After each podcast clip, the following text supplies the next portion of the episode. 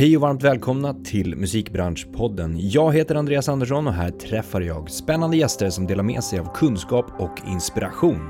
Podden produceras av DMG Education, musikbranschens digitala kunskapsarena med utbildningar, kurser och coachning för dig som vill utveckla din karriär. I dagens avsnitt träffar jag Josefin Nilsson som driver J Nils PR där hon bland annat jobbar med just PR men även management. Vi dyker in och pratar om hur det är att jobba som entreprenör och driva företag i branschen. Att våga ta steget, arbetet bakom och att ha många bollar i luften samtidigt. Vi pratar även om det konkreta arbetet med PR runt en artist och specifikt kring en ny release. Vilka förväntningar har artisten inför ett samarbete och hur möter Josefin det här till exempel? Något vi även pratar mer om är arbetet med management och specifikt med hur arbetet skiljer sig mellan att jobba med en etablerad artist versus en helt ny artist. Det här och såklart mycket mer. Varmt välkomna! Välkommen till Musikbranschpodden Josefin Nilsson. Tack så mycket Andreas. Jättekul att ha dig här. Ja men tack, ja det är superkul. Vi har suttit och chitchattat om lite allt möjligt här innan. Mm. Eh, resor, vin, Mm. eh, musik, Ja, eh, pre-save, ja, entreprenörskap. ja, exakt.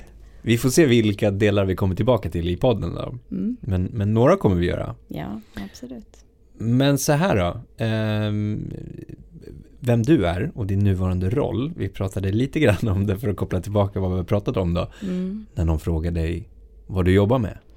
Vad gör du då Josefin? Ja. Hur svarar du då? Du hade två olika, antingen så svarar du själv Mm. eller så ber, ber du kompisen bredvid. Ja men precis, be, be, be den som står bredvid som känner mig att svara för mig eftersom att det är en liten standardgrej nu att jag har så svårt att kunna svara på den här frågan på ett väldigt snabbt och koncist eh, sätt. Ja. Ehm, Innan du svarar då? men Vad grundar sig det i? Alltså varför är det svårt?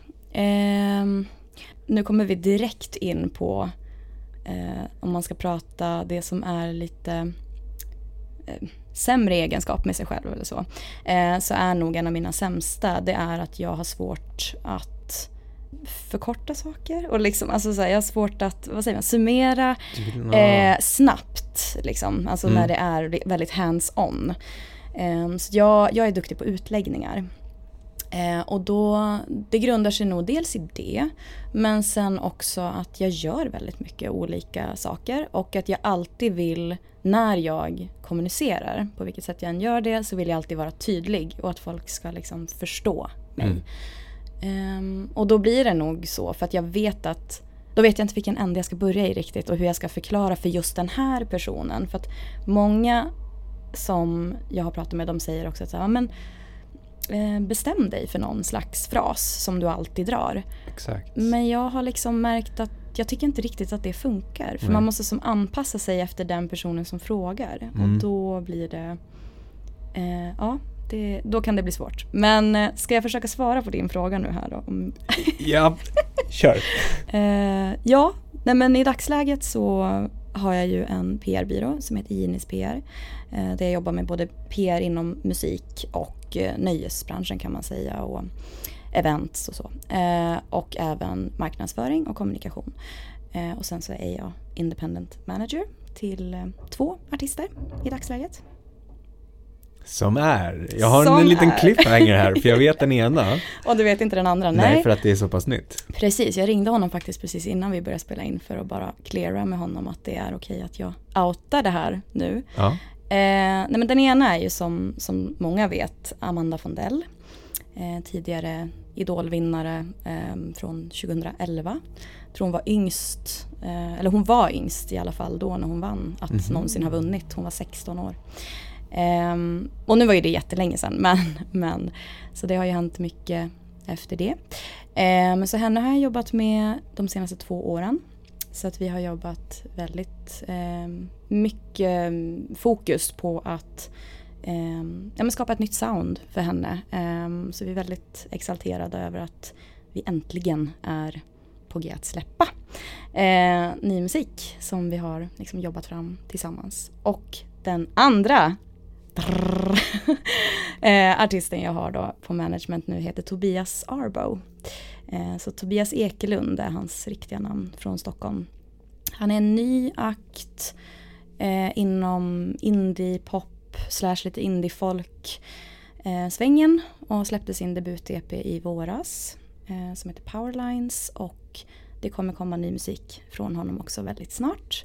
Eh, så det känns superkul. Åh, oh, spännande. Mm. Jättekul ju. Ja. Vi kommer tillbaka till det arbetet med det här då, Ja. och de här artisterna. Ehm, men om vi bara går tillbaka till din ehm, beskrivning av vad du gör för någonting och eh, du sa det att du, du vill gärna, för, alltså beroende på vem personen är, Mm. alltså kanske det krävs lite fler, mer förklaring eller liknande. Mm. Det är ju ett, eh, ett alltså det är ett väldigt sympatiskt synsätt på att det, det, det ska landa bra hos den andra eller du bryr dig om att de ska förstå. Mm. Um, vad, vad, vad grundar sig det i på något sätt? Finns det någon koppling där till även det du gör med PR till exempel, att det ska landa bra?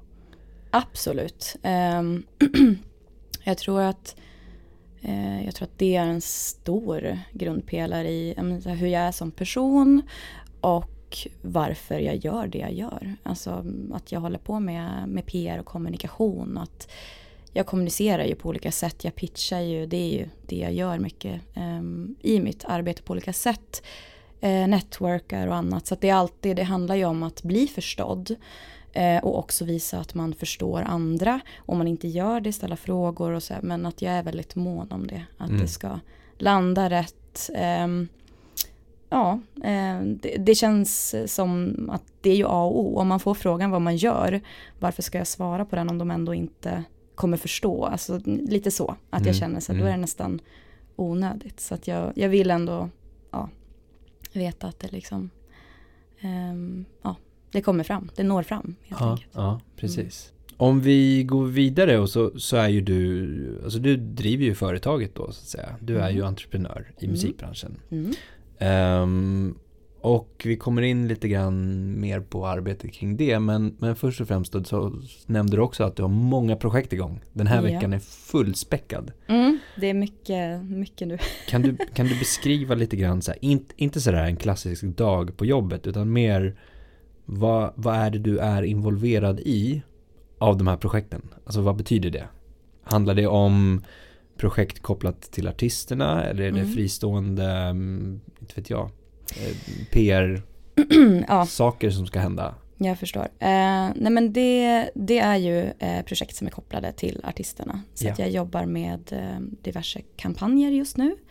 Vill du att jag nämner några av dem? Jättegärna, om du kan. Ja, eh, idag eh, släpps en debut-EP av en ny popartist som heter Lou. Eh, han heter egentligen William Eggert eh, och är bland annat låtskrivare och pianist bakom eh, en annan popartist som heter Gerd som vann nomineringen Årets nykomling om jag nu inte ser Mm, fel precis, på Peter på Peter Guldgalan. Guld. Ja.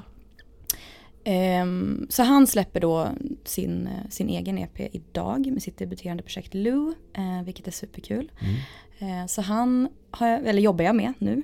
På vilket sätt är det? Då är det PR. PR, Mm. ja exakt. Och, och vad gör du där då?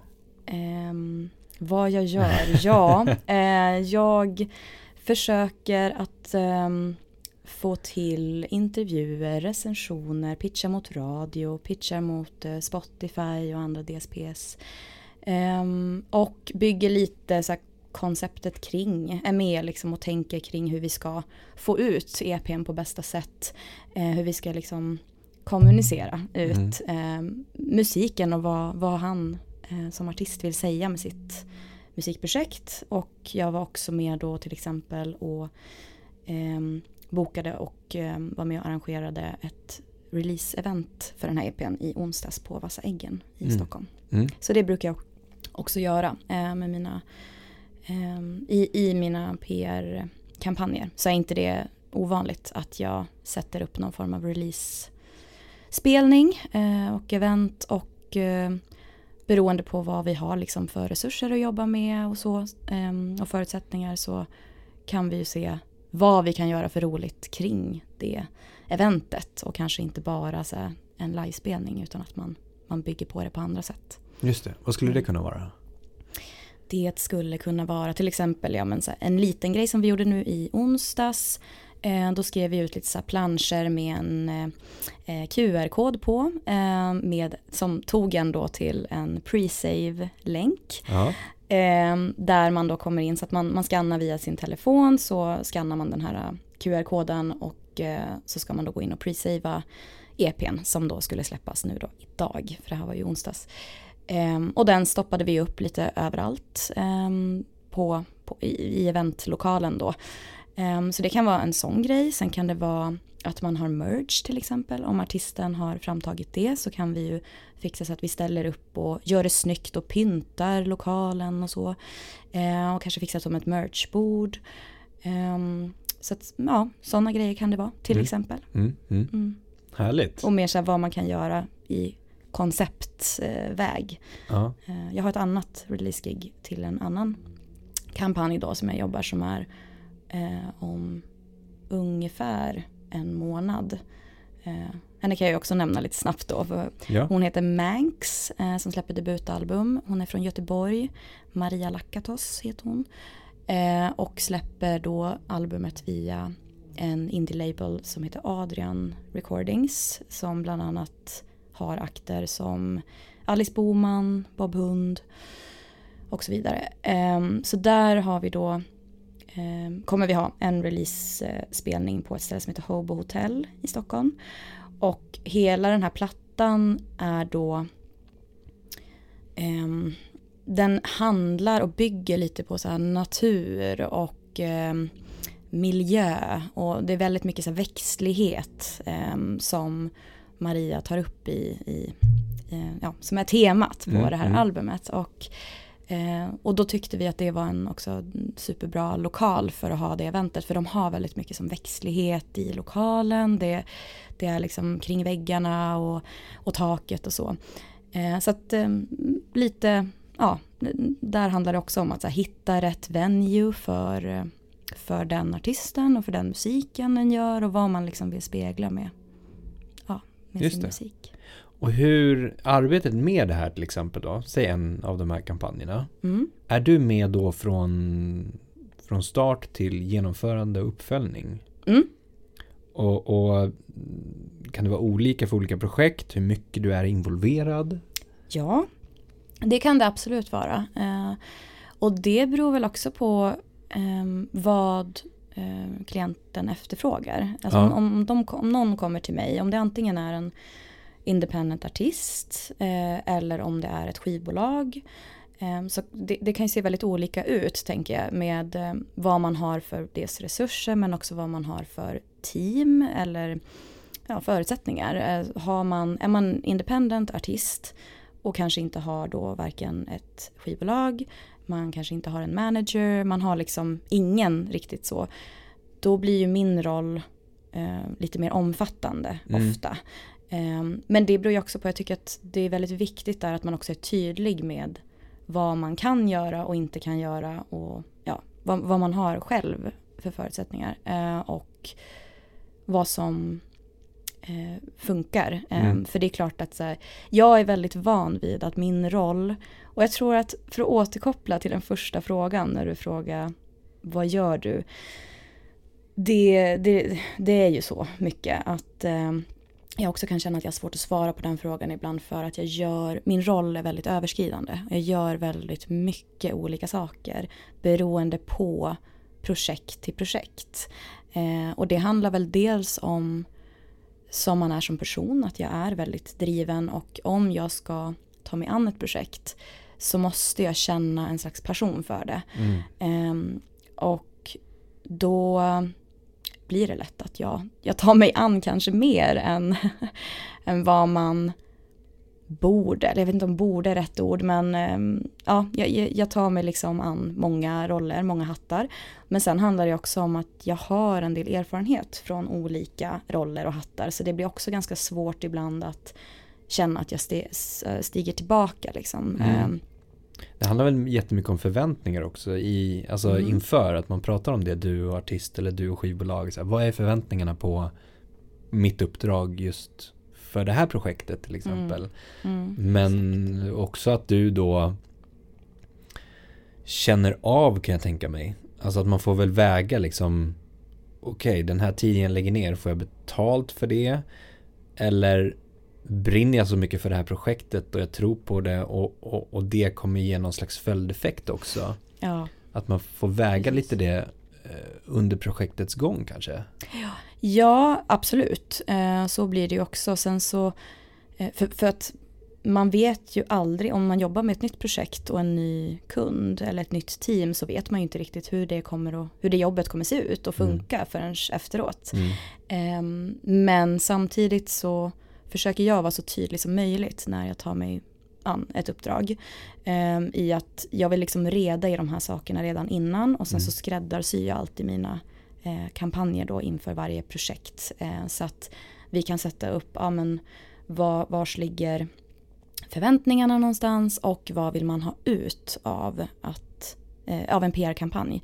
Eh, så vad, vad är det främsta man då som kund vill ha ut av det och vad kan jag göra, vars tror jag att jag har mina styrkor eller att landa saker i just det här projektet. Mm. Eh, vars ser jag liksom att vi kan förvänta oss att få resultat av, på olika sätt. Um, så att det, det är väldigt viktigt tycker jag att, um, att skräddarsy, att göra det inför varje enskild kampanj på något vis. Sen är det klart att man har som en slags standardmall men som man sen ja, styr lite olika mm, eh, mm. utefter projektet. Ja. Hur kan det se ut då när, när det kommer en kund oavsett om det är en artist eller skivbolag? Är det oftast att man har en ganska vag bild att vi vill göra det här men vi vet inte riktigt hur. Att mm. du får vara med i själva framtagningen där också. Ja. Och genomförandet. Ja, Ja. Absolut. Eh, är det vanligast? Eh, det, eh, jag skulle säga att det och sen är det också väldigt vanligt att eh, man har jobbat med PR tidigare och då tänker man att det ser likadant ut varje gång. Så man har jobbat med mm. någon annan då.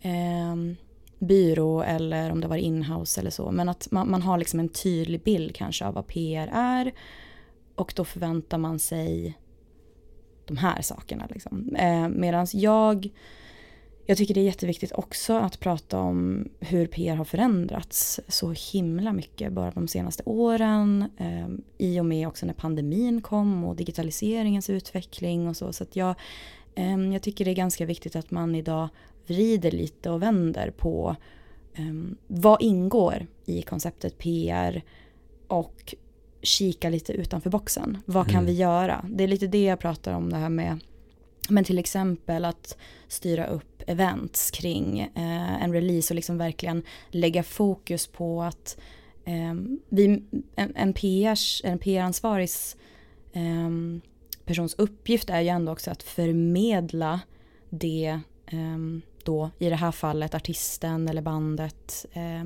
vill förmedla med sin musik. Mm. Så att det ska gå fram och det är ju inte liksom bara att man ska uppmärksamma att det är ett släpp på gång utan det är som, vi måste ju bygga någonting här som också kan förhoppningsvis leva långsiktigt. Um, så att hitta en röd tråd och hitta en tematik det är ganska så vanligt att när en kund kommer till mig så har de inte riktigt tänkt på det innan. Mm, alltså de kan ha tänkt på de har musiken och de kanske har börjat tänka lite på det visuella materialet till det som ska spegla. Men att det djupare än så kan det vara ganska mycket frågetecken. Så där hjälper, hjälper jag till också att, att forma det. Alltså att paketera helt enkelt och forma eh, kampanjen. Mm, mm. Mm.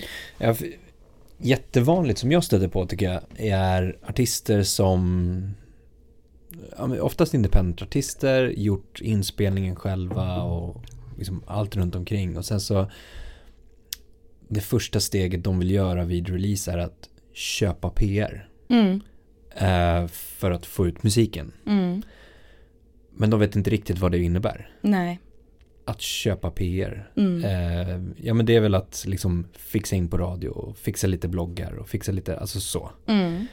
Har du stött på sådana förfrågningar att säga, men kan du bara fixa det här åt mig så att vi får ut musiken? Eh, ja, det har jag. Men, men när det kommer till just sådana typer av frågor, då, jo, alltså precis som du säger, att då, då brukar jag märka att eh, man kanske inte riktigt är införstådd med vad PR innebär. Och att de inte heller då har ju tänkt efter riktigt vad det är de behöver. Mm. Så att där kommer ju alltid min fråga. Alltså, men vad förväntar vi oss och vad är det ni ser att ni vill lägga mest fokus på? Och att de inte har tänkt på det riktigt. Um, och sen så är, ju väl, är det väldigt vanligt, tyvärr, men eh, att folk inte alltid har så bra erfarenhet av PR och menar att eh, de betalar en massa pengar som de slänger i sjön i mm. princip för att de inte fick så mycket utav det. Och det tycker jag också är jättetråkigt för att eh, ja, alltså jobbar man med PR på rätt sätt, som, ja, kommer jag höra sig, men som jag tycker på, på rätt sätt, mm. om man verkligen eh, skräddarsyr och att man eh, tänker på hela paketeringen av projektet och, och också väldigt viktigt att man, man ser att eh, här kan vi faktiskt göra någonting också. Att inte bara ta på sig ett projekt där man känner kanske att eh, jag, vet, jag vet faktiskt inte om, om jag kommer kunna bidra eh, med ja, mina styrkor och det, i det här projektet. Att, så här, att då också våga kunna säga det ja. eh, till en kund. Det tycker jag är jätteviktigt. Så att, ehm, vad skulle du säga till dem som, vad skulle du ge för tips till de mm. som är där, alltså artisterna i fråga. Mm. Som känner att så här, ja men okej, nu har, jag, nu har jag samlat ihop och sparat ihop en budget på 8000 spänn, mm. 10 000 spänn. Jag vill köpa PR. Mm vad bör man göra för hemläxa? Eller vad, vad bör man fråga sig själv? Eller vad skulle du vilja ge för tips till den innan den kontaktar dig? Ja, alltså hemläxa nummer ett eh, är ju förstås att ta reda lite mer på vad PR innebär. Eh, och speciellt då i ja, musiksammanhang eftersom yeah. det är det vi pratar om. För det ser ju också annorlunda ut om det är PR för, i andra branscher. Men så att eh, ta reda på det, fråga, eh, fråga runt och också googla och sök svar på så här, vad, vad kan man förvänta sig av en PR-kampanj. Men också gå till sig själv såklart och tänka vad behöver jag och mitt projekt i det här läget. Eh, för att det som ofta jag kan känna det är att jag jobbar absolut med eh, enskilda artister eh, och deras kampanjer och jag har gjort det mycket men jag gör helst inte det utifrån att så här, jag vill gärna att eh, det ska finnas ett litet eh, team runt, eh, runt den här kampanjen. Eh, och det här är ju en jätte, jättesvår sak att säga som ett tips men jag kan ofta känna att den här artisten eller det här bandet kanske saknar första, först och främst kanske en manager. Eh, för att nysta mer i, i sitt eget projekt och få liksom eh, hjälp och råd och stöttning från en person som ja, har mer den rollen att ta. Därför att jag kan känna att det här återigen med att jag har många hattar eh, så kan det lätt bli att jag glider in på någon slags, alltså i den rollen också. Men som då, ja och det, ju, det säger ju sig självt, det kan jag ju inte heller göra. Jag, jag kan ju inte ja, men göra det för alla mina mm. PR-klienter, för det, det går ju inte. Så att, um, så att oftast så, om, jag, om det är så att en då independent artist eller band kommer till mig och så märker jag att ja men det finns frågetecken här och det finns, eh, så att då brukar jag ju ändå ja, men, gå in på, på, på det först. Mm. Att eh, så, men ställa de frågorna. Alltså, men vad, vad känner du att du behöver för det här projektet? Och vad är viktigast um, för dig i det här läget? Att hur känner du liksom att ja, men jag behöver få upp mina streams på Spotify? Det är det absolut viktigaste. Eller Eh, jag skulle jättegärna vilja eh, fixa någon intervju med kanske en lokaltidning där jag är ifrån för att liksom börja bygga där. Alltså det kan ju vara, ja, så att om man, om man får nysta lite i det då kan jag också komma in och säga att ja men vi kanske ska lägga en del av budgeten här till exempel på digital marknadsföring istället för så direkt, direkt PR och pitchjobb. Eh, och, men så här, splitta upp lite. Så här, vars ser vi att den här budgeten vi sitter med kan göra bäst. Ja. Ehm, ja. Så att ehm, det är väl det som jag brukar börja med. Sen har jag också, idag är det ganska vanligt att artister och band släpper själva Mm. musiken, men att de då släpper med hjälp av en distributör. Eh, och då har jag även både gamla kollegor, men jag har bra relationer med, med en del distributörer. Eh, och då har jag också gjort så att jag styr upp möten med eh, då artisten i fråga om den, den är sugen på att släppa själv. Men att man ändå känner att det vore bra eh, om den här artisten inte känner sig helt eh, ensam i det. Och Mm. även om jag då kommer in på PR så blir det som att jag känner också att vi får en mer styrka i projektet och det blir en lite mer så här teamkänsla. Ehm, så då kan jag pitcha in till en distributör och så då blir vi ett litet team som jobbar tillsammans. Så det, det blir ändå artisten som äger rättigheterna och, ja, för mastern och i, i det långa loppet. Mm, Eh, så mm. det är ju inte en skivbolagsstil så men, men eh, ja, det, det har jag också känt har varit en bra lösning på att få den här artisten att känna någon form av stöttning. Ja, med stöttning och lite mer sammanhang och lite mer teamkänsla Exakt. som du sa i projektet i fråga. Men du var inne Mm. på också ehm, liksom vad är viktigt för artisten i fråga. Mm. Vanligtvis så kan det ju vara då att ja, men jag vill få så mycket streams som möjligt efter den här releasen. Mm. För att det kommer generera pengar. Men det finns så pass mycket fler svar som man Mm. skulle kunna titta på som du var inne på. Men okej, jag vill bygga lokal kännedom eller Mm. jag vill bygga en, en tätare kontakt med min nuvarande fanskara. Exakt. Eh, jag vill bygga mitt personliga var, alltså mitt artistvarumärke. Jag vill känna Precis. Artistkännedomen i det. Jag vill eh, bygga credibility. Jag vill bygga nätverk. Alltså det i sin tur kan ju resultera i en mer långsiktig eh, långsiktig hållbar artistkarriär Yes. som sen kan generera streams eller om Mm. det är livespelningar också som många glömmer. Ja. Eh, releasebiten, alla kring produkterna kring det. Det går ju, det går ju att vara väldigt, väldigt kreativ idag. Ja. Eh, för väldigt små medel också. Mm. Eh, plus att du kan göra väldigt mycket själv som Mm. artist. Ja. Och då kanske man egentligen ska fokusera också på, som du var inne på, stöttningen. Mm. Att vad är det jag behöver? Jo men jag behöver ju stöttning och bollning. Mm. Jag har egentligen tiden Mm. att kunna grotta ner mig i det här ja, den här kampanjen. Jag skulle kunna göra vä- väldigt mycket själv istället för att betala en person som sitter och tar fram saker och ting eller Mm. pitchar eller vad det nu kan vara. Jag kan göra väldigt mycket själv men jag vet inte vart jag ska börja. Nej. Så jag behöver stöttningen, bollningen, pushen från någon som säger ja men Exakt. gå den vägen eller gör det. Här Mm. har du en aktivitetsplan att följa till exempel. Då. Mm. Men det här äh, med ditt arbete då. Nu har vi pratat om arbetet äh, hos liksom äh, artisterna i fråga. Ditt arbete som liksom, entreprenör i fråga. Mm. Så har du ju dels tiden du lägger ner på de specifika projekten, Mm. artisterna som du jobbar med som genererar saker. Eh, men allt runt omkring också. Mm. Alltså att driva företaget i fråga. Ja. Eh, vi behöver inte gå in på hur du sköter din bokföring eller lägger undan för pension Ja. eller alltså Ja. sådana saker. Men, men det är ju ändå tid Mm. som du behöver lägga ner. Hur eh, prioriterar du de två liksom, kategorierna av arbete? Uff, ja, svår.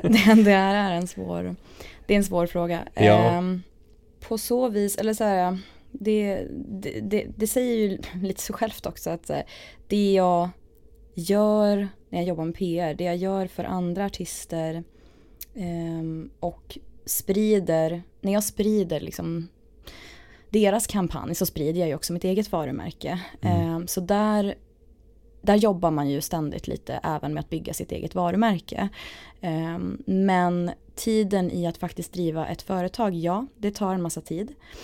Ehm, så att jag vet inte riktigt. Det beror väl på lite grann beroende på vart Eh, du är såklart också. Säg ja, en vecka såklart. som den här, då är det ju bara fokus då på Ja. kampanjerna och Mm. det som händer. Exakt, eh, precis. Eh, så det, och så är det ju verkligen. Att vissa veckor är ju, alltså det är jätte, jättemycket eh, Ja. jobb. Andra veckor är kan ju vara lite lugnare och då har jag mer tid att lägga på, på mitt eget företag och liksom planering och bokföring och allt, Mm. allt sånt, fakturering. och- Administration. Och, All administration, ja. ja. Ehm, så. Men sen så kan man ju såklart, alltså jag, just i det fallet, nu behöver vi inte gå in på det på djupet, men i det fallet så känner jag ju väldigt många som ja, men tycker att det är bättre att, eh, att betala en revisor som, som sitter och för den eh, rullande bokföringen åt en. Jag känner ju i nuläget att det handlar ju också om att jag har sådana kontrollbehov. Att jag, Asså, Ja, okej. att jag Mm. känner att jag, jag vill ändå sköta det mesta själv. Mm. Men såklart har en revisor att bolla med. Men Mm. att, eh, ja, så att jag, jag gillar ändå på något vis att sköta mycket administrativt eh, i dagsläget. Men eh, sen får vi se. Alltså Mm. det där är ju också med vilken tid man har. Eh, Exakt. Jag gör ju väldigt mycket som sagt i dagsläget. Många olika saker och eh, man är bara människa. Så Mm, att mm. man har Men liksom inte, Ja. eh, ja. Det är Ja. lite samma sak, alltså att jämföra med en artist ehm, som kan göra väldigt mycket själv. Mm, Men så fort det kreativa blir lidande mm, för att man gör allt det administrativa och pitchning och exakt. vad det nu skulle kunna vara. Det är då du behöver ha in Behöva någon hjälp, runt ja. omkring dig som kan hjälpa och avlasta. Ja. Om det blir lidande och samma sak med Säg att ditt arbete skulle bli lidande Mm, för att du sitter med för mycket bokföring eller admin eller liknande. ja, Att då lösa av och se de tillfällena i, i liksom en, ehm, en entreprenörskapsresa kan man nästan kalla det för. ja, men verkligen. Absolut. Eh, så är det ju.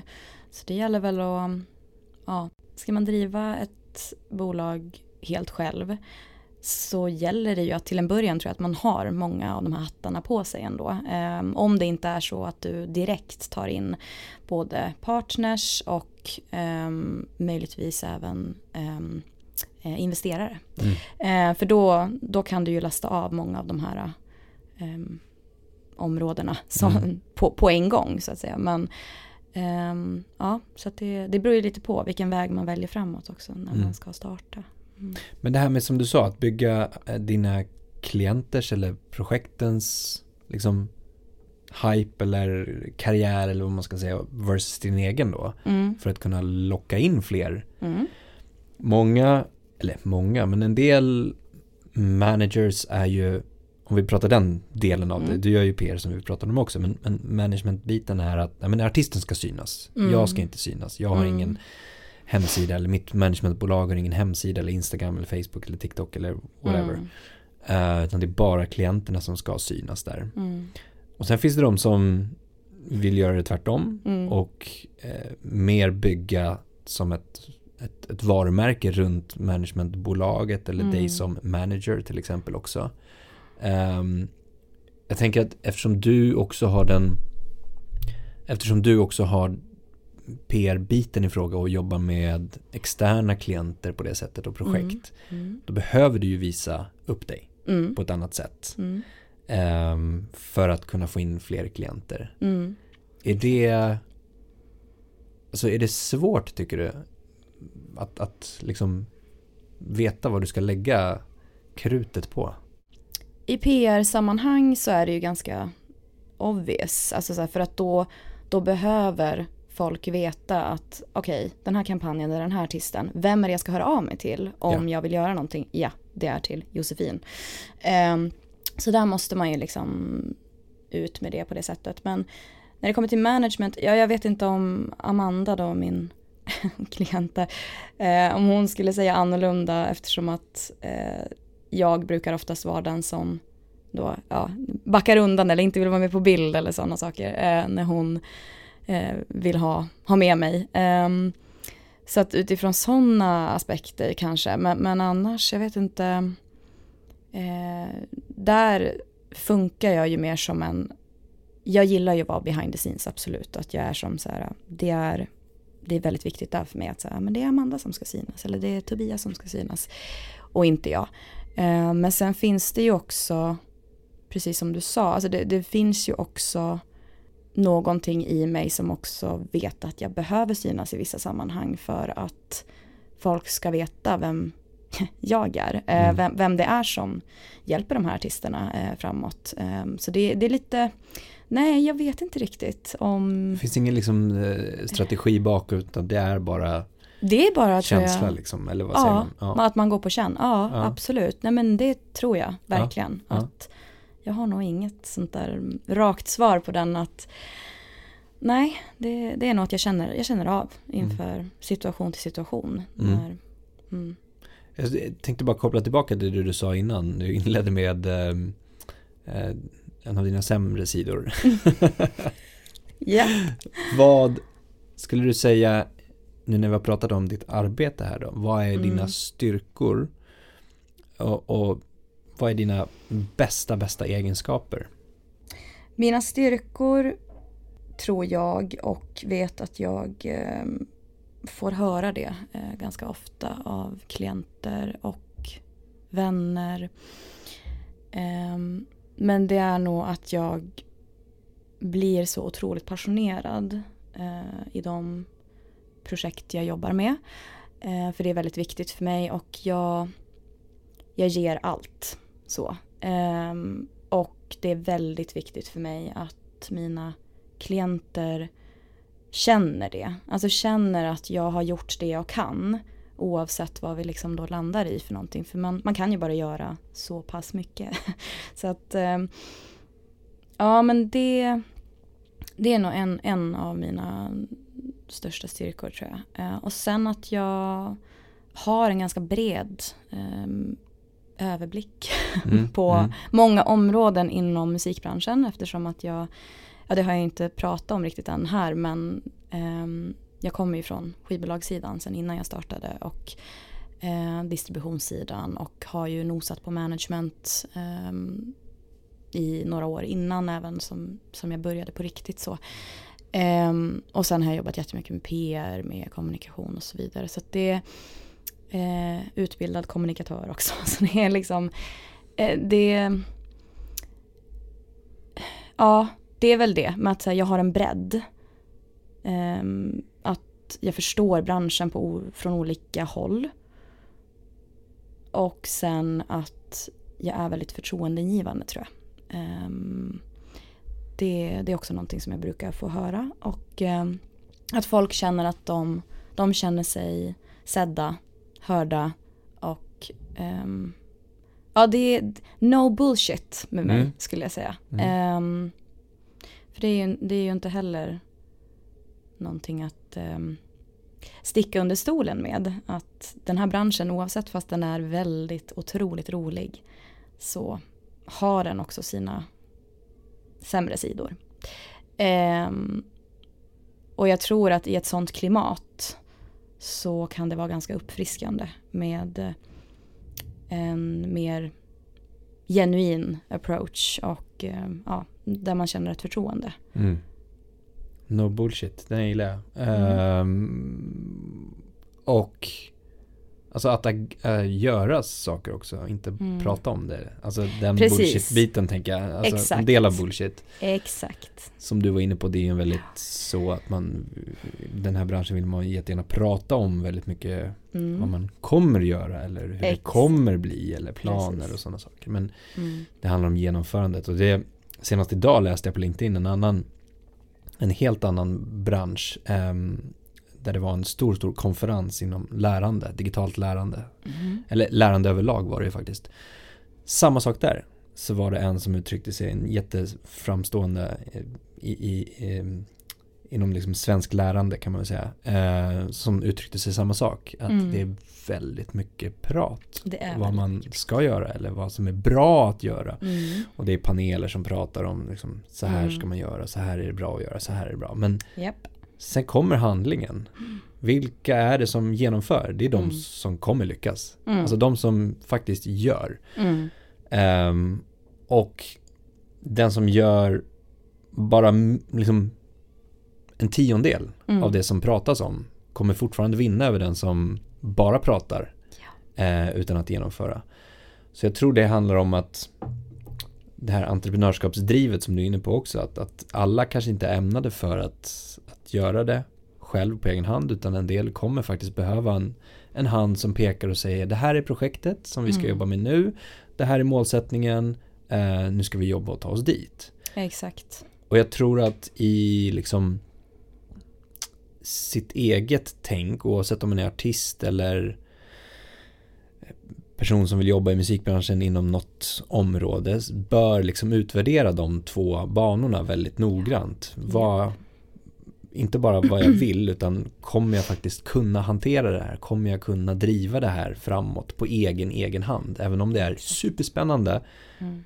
Var ärlig mot sig själv och säga det. Mm, verkligen, ja faktiskt. Mm, måste nämna det. Nej men eh, vi pratade lite om innan nu vi började spela in. Men att eh, en av era DMG-studenter ju hörde av sig till mig om en intervju eh, som var något, något skolarbete. Eh, och då var det bland annat eh, den, den frågan. Eh, och jag kommer inte ihåg exakt hur den var ställd. Men det var precis det som var mitt svar. Det här med att alla kanske inte Alltså det låter kanske hårt men alla kanske inte är menade för Eh, Eh, just alltså entreprenörande i den här branschen. Det är en väldigt speciell bransch och det är, eh, det är väldigt tungt också att, att vara entreprenör. Så att jag tror att man, som du, precis som du sa, att man måste verkligen börja med sig själv och gå till botten med hur är man som person? Vad känner man att man vill satsa och ge? Vad klarar man av? Hur fungerar man? Um, för det är tufft, mm. det är det. Mm. Eh, men det är också det absolut roligaste jag någonsin har gjort, att våga ta det steget. Mm. Eh, så att jag, jag säger bara, de som, de som verkligen eh, har tänkt på det länge och känner att ja men jag tror verkligen att det här kan vara någonting för mig, kör. Mm. Mm. Alltså det, det gör ingenting att man, du vet, om man inte lyckas på en gång, och så det tar år, alltså det tar år att bygga upp någonting. Jag har ju bara varit nu egen i två år. Um, och jag menar, jag är ju absolut bara i en startup-fas än så länge. Um, men sen har jag ju ändå haft en, den stora lyckan så att det har gått betydligt bättre än vad jag någonsin hade kunnat tänka mig eh, så tidigt. Um, men men med det sagt att så här, det, det gör ingenting om det heller om det går åt skogen eller om man känner att ja men nej men det var inte läge nu. Mm. Um, så jag kanske testar igen om några år. Det, det är fine. Man behöver inte se det som ett failure. Se det som ett, alltså att man har istället lyckats för att man har tagit det steget och, och våga testa. För mm. testar du inte så kommer du aldrig veta. Nej, och det, Nej, men det, och det är jätteviktigt att, att poängtera. Mm just att du ska inte, när du går i tankarna och utvärderar och ställer frågorna, är det här rätt för mig? Mm. Och du är tveksam till det, det betyder inte att du inte ska prova såklart, utan eh, testa och mm. se om det var någonting. Eh, mm. Flög det inte så flög det inte. Mm. Sen så tror jag också att man kan lära sig över tid. Jag till exempel själv startade eh, mitt första företag för att jag blev tillfrågad om att eh, om jag kunde fakturera för ett jobb. Mm. som jag skulle göra. Ja. Um, så jag, jag, hade ju inte ens tanken på att starta ett eget företag. Nej. Utan jag jobbade med massa olika projekt och blev avlönad på massa olika saker och ting. Eh, och sen så var det det här jobbet. Eh, kan du ställa upp? Absolut. Eh, för du har väl företag och kan fakturera? Mm. Jag, absolut. Men jag hade inte det, men jag ville ha jobbet. ja, um, smart. Och då var det bara ringa Skatteverket, mm. fråga. Um, det här var många, många år sedan, jag vet inte om det är 15 eller mm. 17 år sedan. Um, och då var det bara liksom, okej, okay, moms, vad är mm. det för någonting? Mm. Eh, redovisning, Skatteverket, F-skattsedel, vad yes. behöver jag? En fakturamall, eh, vad, vad gäller bankkonto, liksom, ja. alla sådana saker. Eh, och lära sig under tiden. Och det var ett sätt mm. att testa på. Ja. Eh, och sen så har det liksom lett till att skapa mer nyfikenhet kring fler delar inom entreprenörskapet och mm. fler företag som har startats och sådana saker. Mm. Så för, för, min egen del så har jag follats in i det eh, under tid snarare än att jag har utvärderat är det här rätt för mig eller inte. Precis. Så det finns ju olika vägar att gå också. Ja. Men om man tänker det här du, du var inne på det, din, din tidigare erfarenhet från musikbranschen har skapat din bredd. Mm. Mm. Um, hur vågade du, var inne på det lite grann, hur vågade du ta steget att starta eget? Ja, eh, jag har väl så länge jag kan minnas så har jag vetat att jag vill driva eget. Um, när jag var liten, jag vet inte hur gammal jag var, så um, när folk frågade en vad man skulle bli när man blev stor.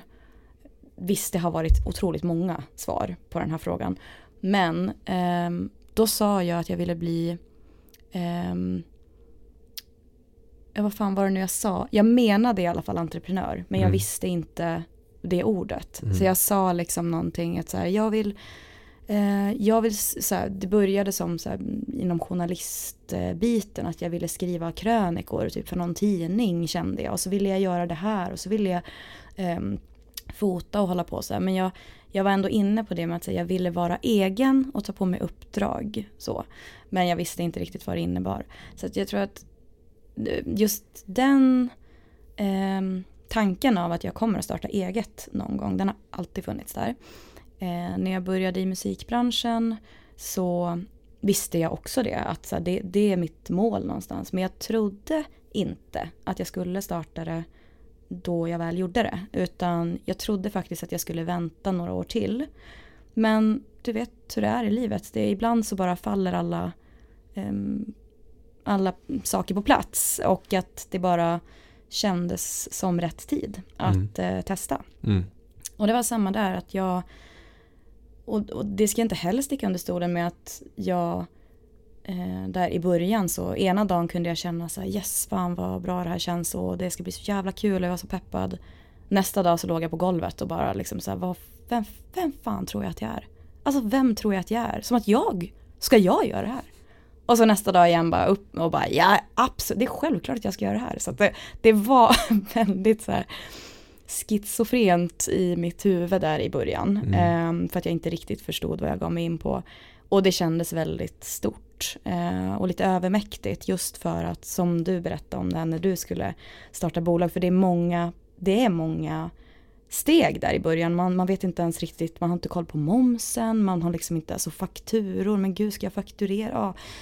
Ja. Um, så det var ju liksom en process att ta sig igenom allt. Och där vill jag också bara slänga in ett tips eh, till er som är väldigt sugna på att starta. Dels idag, det kanske man inte kunde när du startade Andreas, men um, eller jag vet inte, men man kan ju innan, innan man går liksom till Skatteverket och verkligen startar ett bolag så kan man ju också börja med att fakturera uppdrag via eh, till exempel frilansfinans. Eh, cool Company eller vad de nu heter. Mm, de som är, mm. ja, ja, det fanns eh, faktiskt inte då. Nej, för det är ju eh, det kan ju vara ett sätt att testa på eh, eftersom att då behöver du inte starta ett eget företag men du kan ändå, du är egen anställd som det heter. Um, så det gjorde jag för några år sedan också faktiskt. Uh, jag tog på mig vissa uppdrag och um, då handlade det mer om contentskapande och lite PR och så. Så att uh, då har jag bland annat um, gjort någon hemsida och sen så har jag uh, gjort, producerat musikvideos och content sociala medier och så. så det hade jag ju redan testat på några år innan jag startade. Och Eh, sen så finns det också när man väl ska starta eh, det är också det här med vilken bolagsform man ska starta så. Men mm. det finns massa svar på mm. Skatteverkets hemsida. Det finns webbinarium som är gratis. Skitbra. Det såg jag till att liksom gå på. Eh, som är online. Eh, jättebra för att lära sig mer om de olika delarna som man behöver för att starta. Eh, sen finns det också ehm, jag vet inte vad man kallar dem för, om det är en organisation eller vad de nu är. Men Nyföretagarcentrum finns mm. det ett ställe som heter bland annat. Um, som är jättebra. De kontaktade jag också och fick gratis rådgivning av uh, kunniga personer inom rätt bransch och inom rätt nisch av vad du vill starta för bolag. Som hjälper dig med att skriva en affärsplan och hjälper dig med att ja, liksom gå in på djupet med de här olika delarna. Mm. Så att det finns hjälp att ta. Verkligen, det finns ehm, massa Ja. Verksamt.se också. Ja. Den är bra. Ja, ja, mm. absolut. Den är jättebra. Du har varit inne lite grann på det utan att säga det, att det finns många olika delar i branschen. Ja. Det finns många spännande delar, alltså saker att göra. Mm. Eh, vilket oftast kanske gör det svårare att välja. Mm. För att det finns så mycket som är så spännande och kul och det där vore roligt att testa på. Mm. Och du har testat på massa saker. Mm. Men att våga välja Mm. en bana. Mm. Alltså, jag skulle väl inte egentligen vilja säga att jag har riktigt valt en riktning. För att det, är, det jag gör är väldigt brett. Eh, nu har inte vi pratat så mycket om management så heller. Och management tycker jag är väldigt spännande för att eh, det finns, även om det finns liksom en struktur på den rollen så är den också väldigt eh, överskridande och det har hänt så mycket inom både branschen och vad som förväntas på en artist och så vidare. Eh, de bara senaste åren och det fortsätter ju ännu mer. Så, att, eh, så, så därav har ju också managementrollen på något sätt blivit väldigt luddig. Mm. Eh, och ska inkludera de flesta områdena idag. Man ska ha liksom lite spetskompetens överallt och sådär. Så att på den frågan om hur jag valde att välja så skulle jag väl säga att jag inte riktigt har gjort det. Alltså det är typ mitt svar. Att så här, jag, för jag förstår den, eh, jag förstår verkligen och kan relatera till, till den ehm, eh, förvirringen och liksom hur, hur, man ska nysta i vilken väg man ska välja. Så att, därför känner jag väl inte riktigt, alltså jag känner att jag får göra så himla olika saker nästin, ja, till var och varannan dag. Och det är liksom ena dagen så är vi ute och filmar någonting inför Amandas kommande släpp. Och vi, jag skriver manus med henne och vi liksom, jag, funger, jag är ju också hennes A&R i nuläget. Så att jag är ju även med liksom i studion och vi pratar om soundet och hur låtarna ska liksom sådär. Um, så att, ehm, och sen nästa dag så, så kan det ju vara någonting helt annat. Då sitter jag och förhandlar i avtal och, och så. Så att det, det är, ja det jag gör skulle jag inte säga att jag har valt så mycket. Utan jag, jag har, det är inte så nischat. Det är ganska brett i vad jag pysslar med. Jag fattar. Um, så jag tror att den är svår också att säga till någon annan. För att det enda där liksom tips så som jag har i det fallet det är att försöka få testa på så mycket som möjligt genom praktik. Eh, och jag vet att det kanske inte alltid är så jättelätt heller. Det beror ju på var man hamnar och eh, om man har en praktikperiod eller flera på sin utbildning eller så. Men att försöka eh, se till att få nosa lite på olika eh, arbetsroller och så. Så att man, man får lite koll på okej, okay, hur funkar det här, hur känns det, tycker jag det här är kul och jaha, nej, men hur är det här då? Eh, för det brukar vara det absolut bästa så mm. att man får känna på det.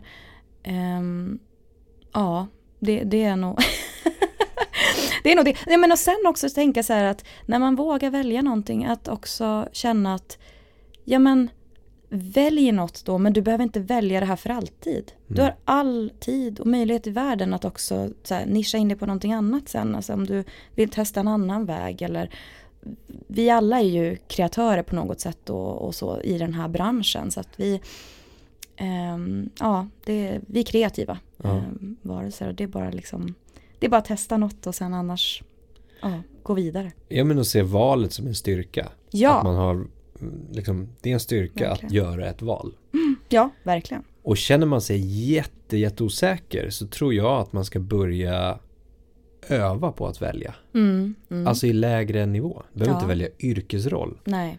Det kan handla så lätt som att välja en pizza. Ja. Så, alltså, vilk, vil, ja. en del, alltså, mm. Det kan ju vara att det grundar sig mycket i att så här, men mm. det finns 78 val. Mm. Jag vet inte. Nej. Är sugen på det. Åh, oh, men det där var spännande. Åh, oh, det där mm. lät jättegott liksom. Mm. Men att våga göra så här konkreta övningar.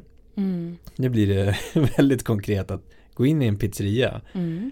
Och det du ska göra det är inte att ställa dig och, och um, utvärdera alla. Nej. Utan innan du går in då ska du ha gjort valet. Mm. Oavsett hur många val det finns där. Mm. Eller så ska du sätta upp en, en, en rimlig liksom, tidshorisont på det. Mm. Där du säger att jag ska gå in. Mm. Jag ska inom en och en halv minut ha valt min pizza. Mm. Eller andra liksom valmöjligheter i, i um, säg att du ska köpa en ny tröja Mm. Och så är du inne på en, en nätbutik. Det finns ju oändligt med liksom val. Mm. Samma sätt där, sätt en, en rimlig tids eh, liksom för när ska du ha gjort ditt val. Mm. Och så övar du på det, öva på det. Då kommer du liksom få lättare och lättare att välja också. Mm.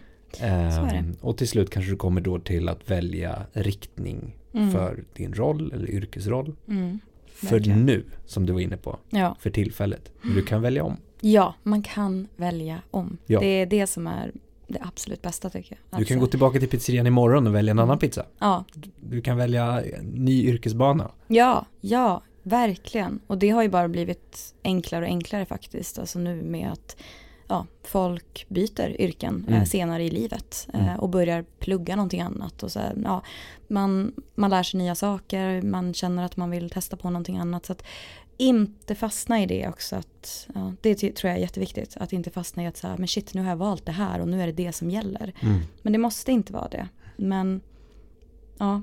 Eh, Men, men samtidigt motivera sig med att, att nu är jag i det. ja, såklart. Och nu ska jag göra det. Ja, Alltså, såklart. och stå för valet Ja, under en viss tid. Men du Ja. har möjlighet att välja om. exakt. Ehm, så att det inte blir att man hoppar vidare till nästa och nästa och nästa och nästa. Nej, men precis. Utan att arbeta ner Ja. sig i det så att säga. Absolut. Utan att äta verkligen. upp pizzan för att göra Ja, ja men ja.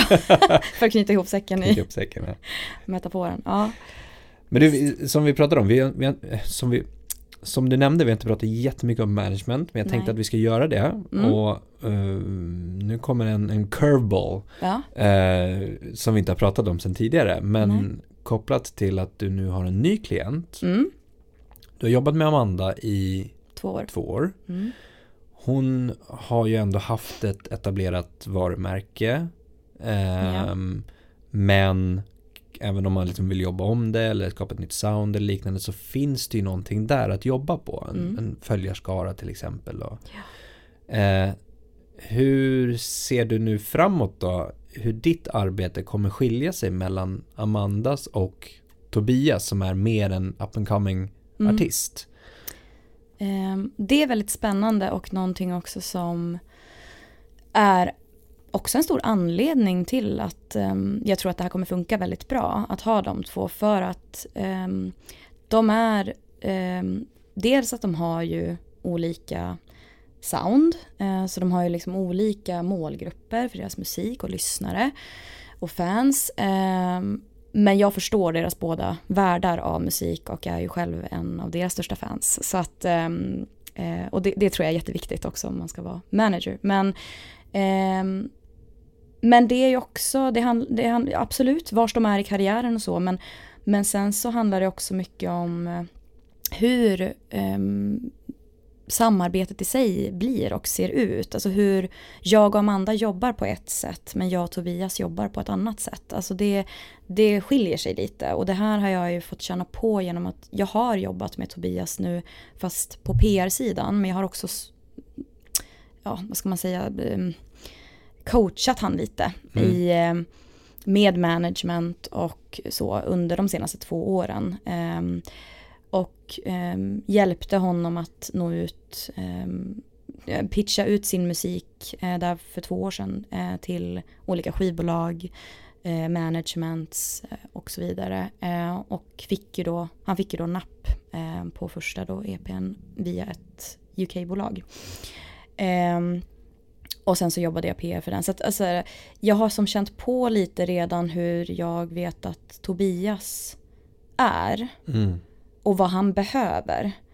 Och det är ju en jätteviktig faktor också i ett bra managementsamarbete. Att man känner att ja, men det här med hur vi funkar ihop och ehm, vad man tycker att man kan leverera och inte, vad man kan göra och så här. Så att det, ehm, mitt jobb med Amanda ser ändå till stor del lite annorlunda ut från mitt jobb med Tobias. Bara Ja. helt enkelt för att de är, de, det är olika artister, eh, de, de är olika som personer.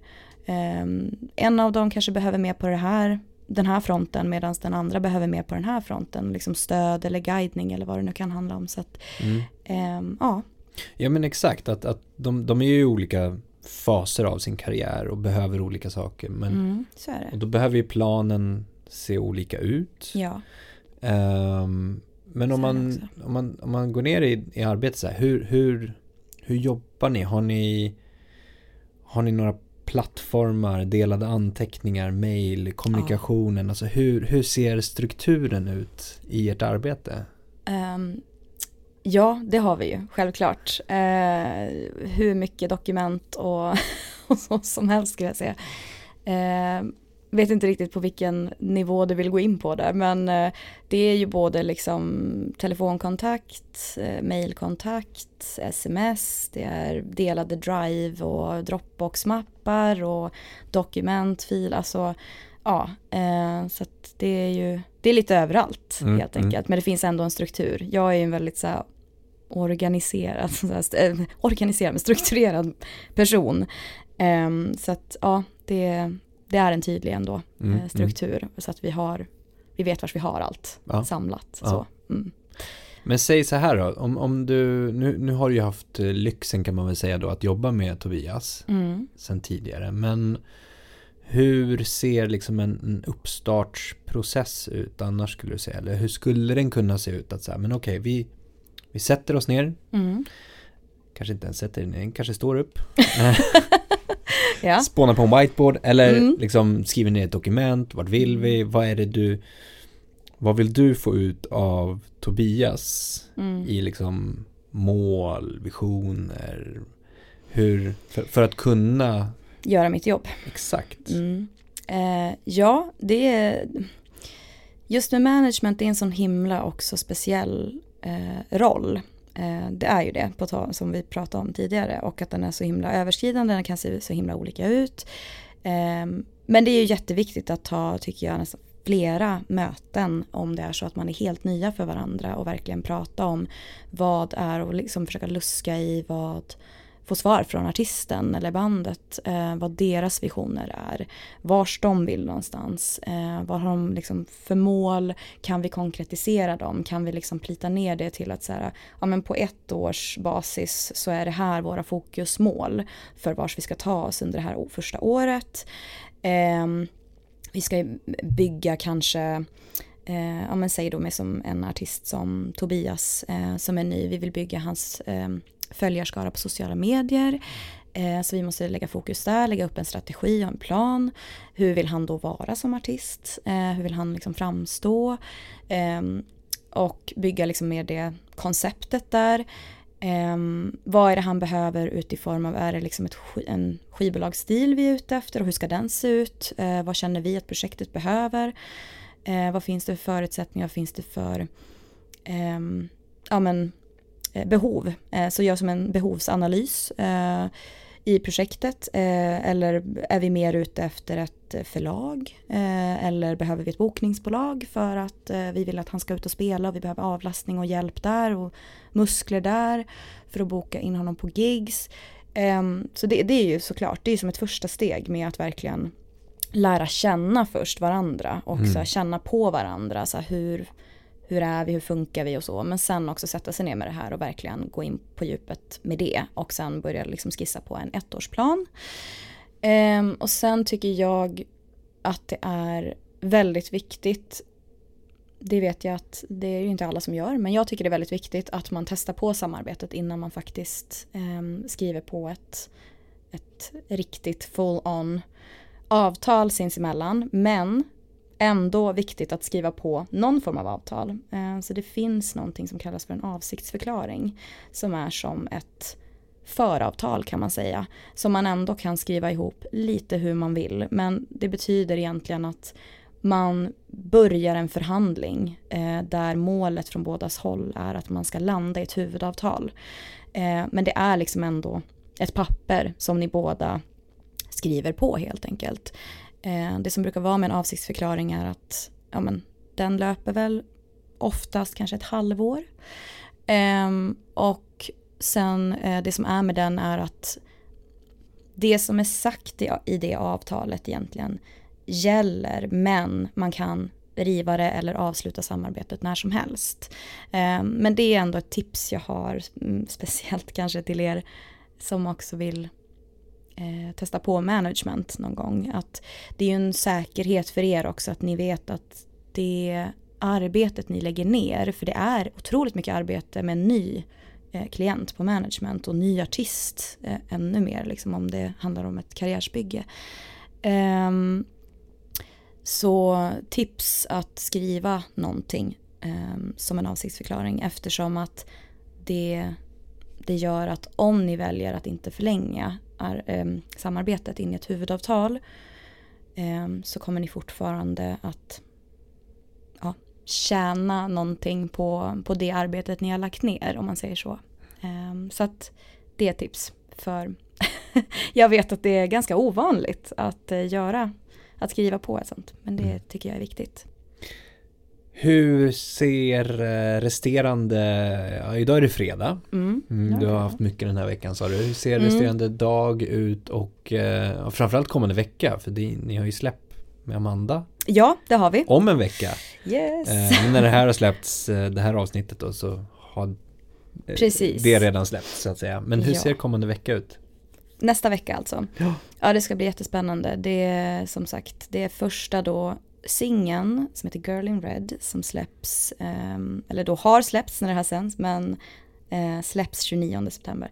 Eh, och det är första singeln av Amanda som vi då har jobbat fram tillsammans på det här nya soundet ehm, under vårt samarbete. Så det är mycket inför det. Eh, vi, vi började nu här i veckan och skissa fram en social medieplan, strategi för hela kampanjen eh, som kommer nu att löpa i x antal månader.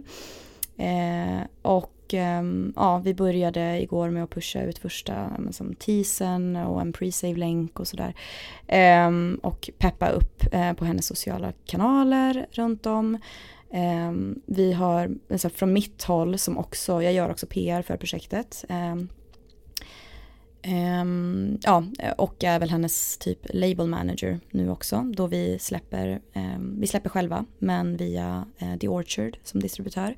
Och um, ja, vi har ett team där som jobbar ut uh, projektet och det känns jättebra. Uh, så att från mitt håll handlar det också om att försöka säkra upp nu nästa vecka med form av intervjuer, eh, radio, eh, ja, DSP, spellistor men också marketing support eh, och så. Så att det, ja, det är mycket. Så det, för mig blir det en tuff eh, vecka. En full on. Det blir en full on vecka, ja, ja, ja. verkligen. Med, mm, och försöka bara maximera releasen inför fredag helt enkelt. Ja.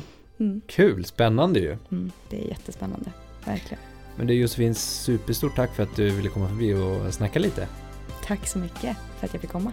Jättestort tack för att du har lyssnat på podden idag. Det uppskattas verkligen. Kom ihåg att följa, stjärnmarkera, gilla, dela, kommentera för att hjälpa till att sprida kunskapen i musikbranschen. Vi vill också jättegärna höra från dig. Vilka utmaningar står du inför? Vad tycker du är svårt? Vad tycker du är lätt? Vad vill du höra? Vad vill du veta? Vad vill du lära dig? Hör av dig till oss på info at dmgeducation.se. Tack för idag och ha en fortsatt härlig dag.